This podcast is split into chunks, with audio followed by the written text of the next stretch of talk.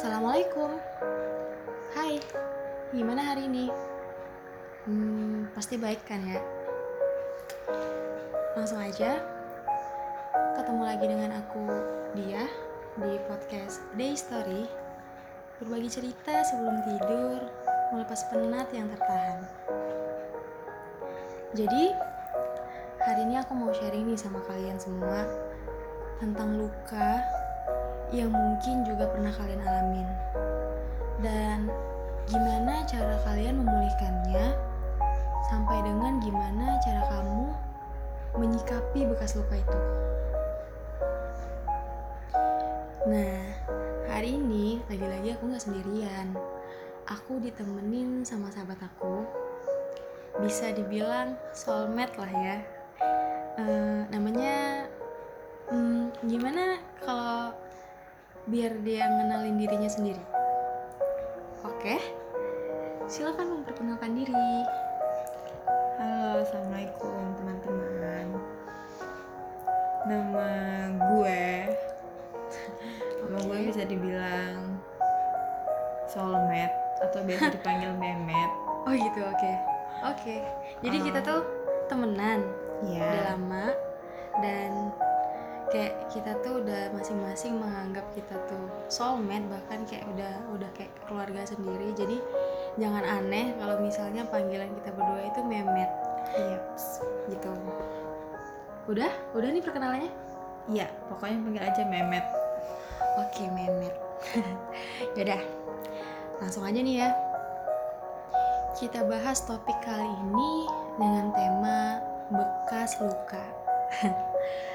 Oke, jadi ya, biasanya orang-orang tuh kalau denger kata bekas luka, itu kayak mereka tuh langsung mikirnya disakitin cowok lah, apalah itu. Tapi itu bersangkutan sama lawan jenis. Mm-mm. Nah, tapi bekas luka kali ini nih yang mau kita bahas ini yang gak sebatas itu aja. Bisa dari cowok juga bisa, tapi sebenarnya ada banyak macam luka yang mungkin pernah kita rasain. Yang gak menutup kemungkinan bisa dari temen, keluarga, bahkan diri kita sendiri. Jadi, aku mau tanya nih sama kamu, Mer. Mm-mm. mungkin bisa dari pengalaman pribadi kamu atau mungkin dari orang-orang di, di sekitar kamu oke jadi saat kamu lagi ngerasain luka nih itu kamu biasanya ngapain sih? Apa sih yang kamu lakuin? Atau atau saat kamu lagi di posisi sebagai pendengar?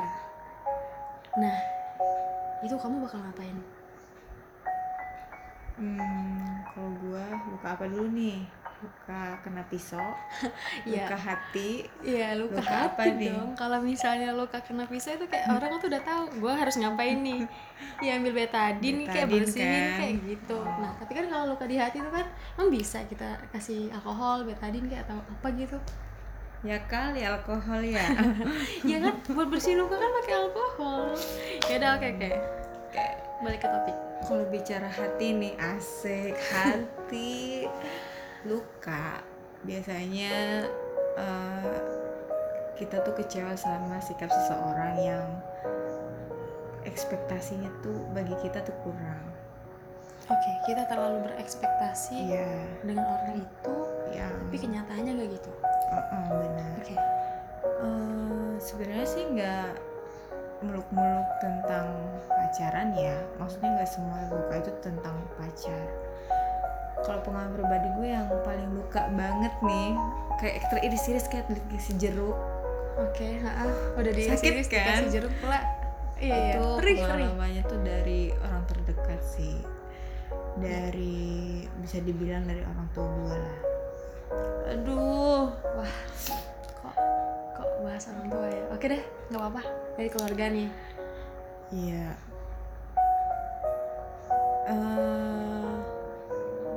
Berat bagi gue untuk menerima keadaan Mhm. kalau gue tuh agak berbeda dari apa ya Saudara, kehidupan saudara. Oke. eh, teman-teman gue yang lainnya gitu. Oke. Kenapa kamu nga- nganggap kalau kehidupan kamu tuh beda dari orang lain karena eh, teman-teman gue tuh apa ya orang tuanya tuh support banget dari kecil gitu loh. Sedangkan gue itu eh, support system gue tuh nggak dapet dari mereka gitu. Oke. Jadi itu ada luka tersendiri bagi gue dan itu tuh ngefek banget sampai kita sebesar ini loh gitu. Sampai kita udah dewasa. Dewasa. Hmm. Mungkin itu ya untuk luka yang menurut gue sakit. Iya itu pasti mendalam banget dan ya dan mungkin seumur hidup bakal lo ingat. Bener kan? Iya. tuh kalau kayaknya kalau misalnya ngebahas tentang keluarga itu memang memang sakit banget gitu. Oh, Dan- banget sih. dan nah gini itu kalau misalnya nih lu kan udah ngerasain luka luka itu yang ya dibanding teman pacar sahabat atau apalah itu kayaknya luka luka yang berasal dari keluarga itu lebih lebih sakit lebih mendalam. Itu yang kamu lakuin tuh apa?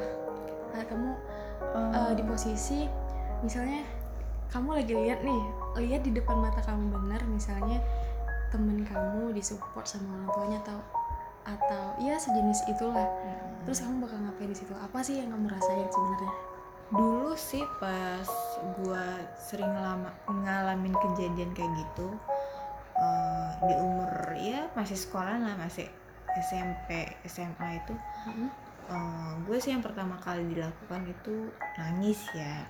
Terus sering nanya-nanya dalam hati kayak eh, kenapa beda dari orang kenapa yang eh, kenapa sih harus di gua gitu yang dapat kayak gitu. Nangis pasti gitulah terus kayak yang selalu menyalahkan eh, Tuhan tuh nggak adil gitu ya pertama Oke. saya. Tapi semakin ke sini semakin eh, gua udah melihat istilahnya udah udah keluar dari zona sekolah udah keluar dari zona kuliah kayak yang melihat gue mengalami apa ya maksudnya gue udah melihat dunia luar tuh dari banyak sisi. Jadi kayak yang ternyata masih banyak eh, orang yang lebih tidak seberuntung gue gitu.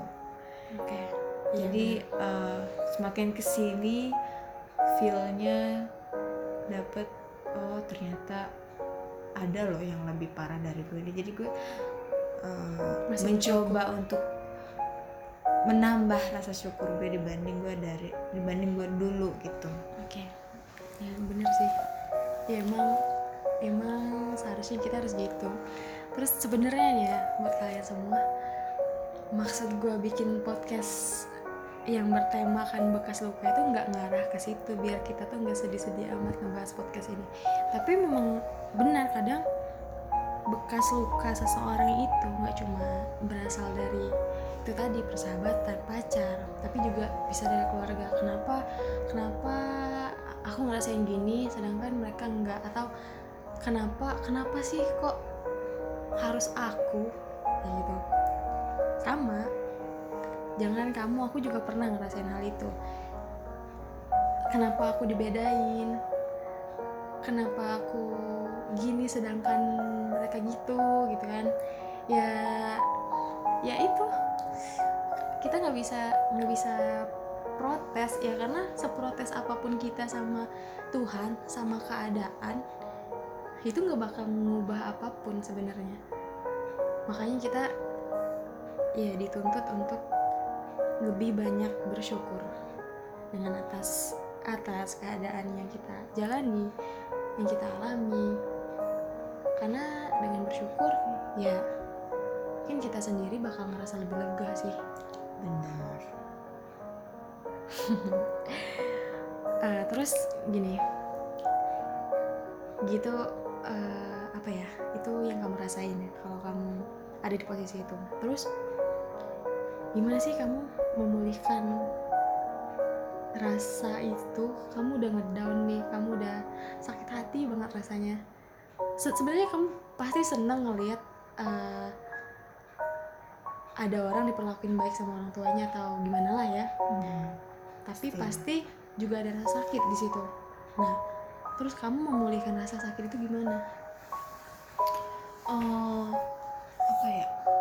Gue mulihkannya kayak ya itu tadi eh, waktu kali ya yang pertama biar dulu tuh sumpah dendam dendam banget sampai eh, pernah bilang udahlah gue nggak bakal nggak bakal mau ketemu sama eh, bapak gue lagi gitu ya.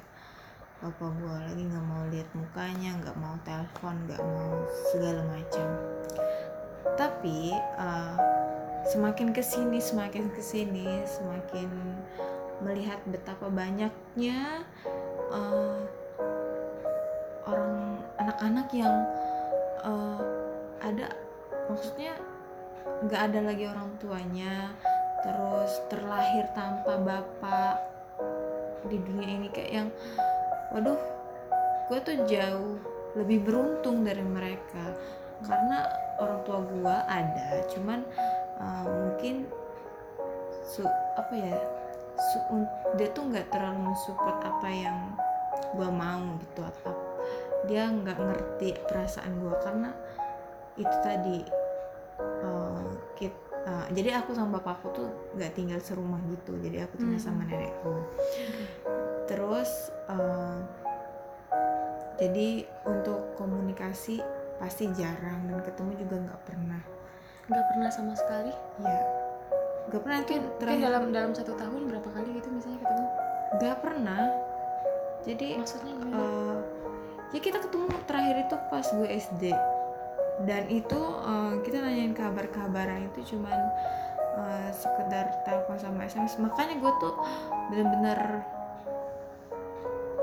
hampir benci pakai banget lah ya sama bapak gue. Ini karena bentar terakhir lo ketemu waktu SD iya. Eh, lo masih masih inget gak sih kenangan apa yang paling membekas mungkin dengan Jadi waktu itu eh, karena kita berbeda kota ya, ayahku tinggal di suatu kota daerah Jakarta, gue tinggal di eh, Sumatera Selatan, Palembang lah ya. oke Nah, jadi pas waktu kecil tuh gue ranking tuh, ranking ranking lah di sekolah ya waktu itu gue ranking satu. Jadi waktu itu semangat banget ngelapor ke bapak gue kalau gue ranking satu gitu. Terus eh, bapak gue eh, pesan janji mau pulang mau bawain sepeda. Seminggu kemudian bapak gue pulang liat gue Hmm. dan janjinya ditepatin Eh, pas pulang beli sepeda Hmm. senangnya bukan main kan iya benar bukan main waktu itu senangnya walaupun eh, walaupun pada saat itu gue nggak tinggal sama bapak gue gue udah tinggal sama nenek gue tapi eh, semakin hal itu tuh nggak terjadi ketika bapak gue tuh nikah lagi. Karena mama gue udah meninggal kan. Oke nikah lagi. Jadi itu yang merasa gue tuh kayak yang gue cuman anak yang dititipin sama nenek gue terus udah gitu lepas tangan orang tua gue jadi gue semenjak kejadian itu gue nggak pernah ketemu lagi. Gue nggak pernah jarang kabar-kabaran jarang telepon-teleponan. Eh, dan ngerasa gue orang tua gue tuh kakek sama nenek gue jadi itu yang buat gue benci banget yang buat gue oke oke oke. Gue paham. Itulah. Paham posisinya atau gimana tapi ya mungkin gue cuma sekedar paham tapi nggak bisa ngerasain apa yang gue rasain ah Oke, em, apa ya? Kok gue jadi ngeblank ya ampun. tadi kan lu nanya eh, cara nyembuhin bekas lukanya gimana Iya, iya benar benar benar. jadi kan eh, semakin lama tuh ya rasa benci itu kayaknya Memudar. nggak juga mudar semakin ningkat itu gue tuh semakin benci. Gue eh, bener-bener benci ketika momen wisuda. Ah gue tuh nggak bisa datang. Itu padahal kota maksudnya kota Jakarta sama kota Palembang sejauh apa sih gitu. Sampai-sampai Hmm. gue mikir eh nggak tahu ya. Jadi bentar. Jadi wisuda SD, SMP, SMA sampai gua kuliah. bayangin loh. Gue sedongkol sedongkol sejadi jadinya hati gue nggak habis pikir gue sampai sampai mikir nggak mau bener-bener nggak mau kontakkan bentuk apa pun itu. Sampai gitu loh sampai gue gue blokir nomornya. Bayangin gue blokir nomornya fotonya gue bakar. Serius? serius. Jadi fotonya gue bakar yang berbau-bau bapak gue gue nggak Oh, lu mau. gak pernah cerita ginian sama gue? Ya karena lo gak pernah nanya Ya gue ampun, tuh baru nanya sekarang ya ampun. Sorry, sorry. jadi eh, jadi apa ya eh, cara sebenarnya kalau di eh, sekarang masih masih dibilang nggak senengnya juga masih cuman eh, karena profesi gue sekarang apa ya guru dan gue merasakan bahwa anak-anak yang gue ajarin itu ternyata banyak banget loh. Banyak banget apa? banyak banget loh yang gak seberuntung gua. Maksudnya ada gue yang paling sedih banget. Dia terlahir tanpa tanpa ayahnya nggak tahu siapa. Terus ibunya jadi TKI terus dia tinggal sama neneknya. Dan umur lima tahun neneknya meninggal jadi posisi yang aduh nggak tahu lah hidupnya tuh pasti berat banget gitu nah Tapi pokoknya- gini loh, buat orang-orang yang dikasih luka, yang nyakitin banget, itu pasti udah jadi orang-orang terpilih nih, iya orang yang kuat, pasti. Karena nggak semua orang bisa dan mampu ngejalanin itu. jadi gue kuat nih Buktinya, kuat strong iya, gitu ya. buktinya sampai sekarang kamu masih bisa berdiri walaupun tanpa support dari orang tua. alhamdulillah gue disupport nenek kakek gue dengan sangat baik sangat. Nenek kakek gue nggak mau gue ketinggalan bentuk apa pun jenisnya pendidikan di dunia ini. Jadi support system mereka tuh Hebat banget. benar-benar apa ya Eh, pokoknya the best lah kakek nenek gue Oke, nah jadi gitu ya. Eh, kalau kita kecewa sama seseorang itu pasti bakal ada yang nyembuhin, hmm. entah seseorang lagi atau diri kita sendiri. Gitu Iya. intinya. Nah terus kan kalau misalnya kita luka, terus sembuh nih. Oke mungkin sekarang mungkin kamu belum sembuh sembuh banget, tapi tapi sekarang Ya. lebih bersyukur lah iya, ya iya, iya. Sekarang mungkin lebih bersyukur, lebih tahu, lebih paham gitu kan. Dan tapi nggak mungkin dan nggak menutup kemungkinan juga kalau kamu tuh minimal punya lah kayak rasa trauma mungkin. pasti sih Iya, trauma. gue lebih ke apa ya dibilang trauma nggak tahu ini trauma apa enggak menurut lu gue lebih ke kayak gimana ya kalau tiba-tiba gue ketemu sama dia harus gue sikap sikap gue harus apa? Harus senyum kah? Harus nggak peduli kah? Kar- karena Atau apa ya? marah ya. harus marah kah? Karena yang gue rasain pas waktu gue kecil itu sama yang gue seneng banget ketemu sama ayah gue gue dibeliin sepeda waktu itu terus dengan rasa yang sekarang tuh udah jauh berbeda gitu loh. Kayak yang gue bingung harus seneng harus marah. Nggak tahu dah. Pasti kan pasti ya. Eh, jadi gue pernah baca hadis gitu. Wah, keren nih. dan pokoknya intinya eh, hadisnya tuh sebaik ap sebanyaknya sebaik apa pun perbuatan amal kita terus sebanyak apa pun perbuatan amal kalau enggak maksudnya dalam tanda kutip benci sama orang tua itu nggak ada apa-apanya gitu Percuma. percuma jadi gue apa ya eh, sampai sekarang masih belajar untuk menerima gitu masih belajar untuk menghilangkanlah rasa benci tadi Iya.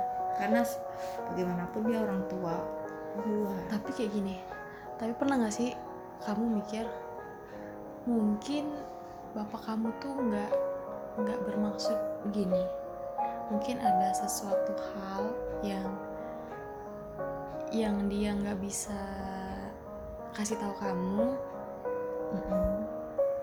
tapi ya mau nggak mau hal itu ya harus dilakuin. Mungkin ada hati lain yang harus dijaga atau gimana. Karena kan ya kayak kamu bilang tadi bapak kamu udah nikah. Setelah dia nikah baru kelihatan kan kayak sikapnya berbeda gitu kan? Mungkin kali ya. Mungkin ada hati yang kali ada hati yang dijaga juga kali ya. Dia nggak mungkin. Berarti gini eh, berarti bapak kamu tuh nggak sepenuhnya salah. Kalau kamu nganggap bapak kamu tuh salah itu memang keinginannya dia atau apa segala macem itu kamu bakal benci dan marah banget pasti. Tapi kalau misalnya kamu mikir kayak tadi tuh mungkin dia terpaksa ngelakuin itu. Atau mungkin cara kamu ber berpositif thinking lah kali ya sama bapak kamu itu mungkin bisa lega ngelegain hati kamu. Iya. Karena em, semakin gue inget buruknya doang semakin dongkol. Iya, gue ngerti perasaanmu. Lu lain kali cerita. Jangan kalau gue nanya baru lu cerita. Kita soulmate kan? karena kayak kayak gini nggak perlu apa Iya ya, sih, ada ada sesuatu hal yang mungkin baik untuk kita ceritain. eh, Iya. karena ini Nah, terus sekarang kan bakal kita share nih. Oke, kalian tuh jadi teman-teman ini karena topiknya spesial dan dia maksa-maksa gua. jadi gue share lah cerita yang menurut gua bisa aja. lu. apa ya? Ya kalau kalian dengar bermanfaat ya ambil ceritanya yang positif. Dan ini bermanfaat banget. Dan aku juga nggak nyangka kalau kalau bekas luka yang dibahas ini ya bekas luka karena keluarga kayak gitu kan. Jadi Ya. kayak kalau aku sih bisa ambil pelajaran nih dari apa yang kamu ceritain tadi bahwa kayak bekas luka yang ada di hati kamu yang kamu alamin dari dulu sampai sekarang itu nanti nih nanti bakal kamu ceritain ke anak cucu kamu sebagai kekuatan di hidup kamu bener-bener. Tapi eh, pesan-pesan nih ya buat teman-teman siapa pun yang denger ini. eh, ini gue masih proses belajar sih menanamkan bahwa apa yang dilakukan orang tua gue ya udah gitu. Eh, nggak perlu dibales nggak perlu diinget-inget yang jeleknya dan terus. jangan dilakukan ke anak cucu lo Ya, nanti benar. Dan gitu. jangan dilakukan ke anak cucu dan jangan juga di apa ya diceritakan bahwa eh, orang tua kita tuh jahat enggak. Tapi be- berikan pelajaran yang baik gitu. Dan juga pasti dibalas dengan baik itu lebih indah dong pastinya asik ya enggak Oke, iya, udah pasti gitu kan. Iya. Oke, dari cerita, dari kesimpulan dan pelajaran yang mungkin bisa sama-sama kita ambil hikmahnya tuh, itu semoga bermanfaat buat kita semua. Masih nggak percaya nih sama cerita malam ini, tapi ya mau gimana? Dan ini bermanfaat banget, makasih loh.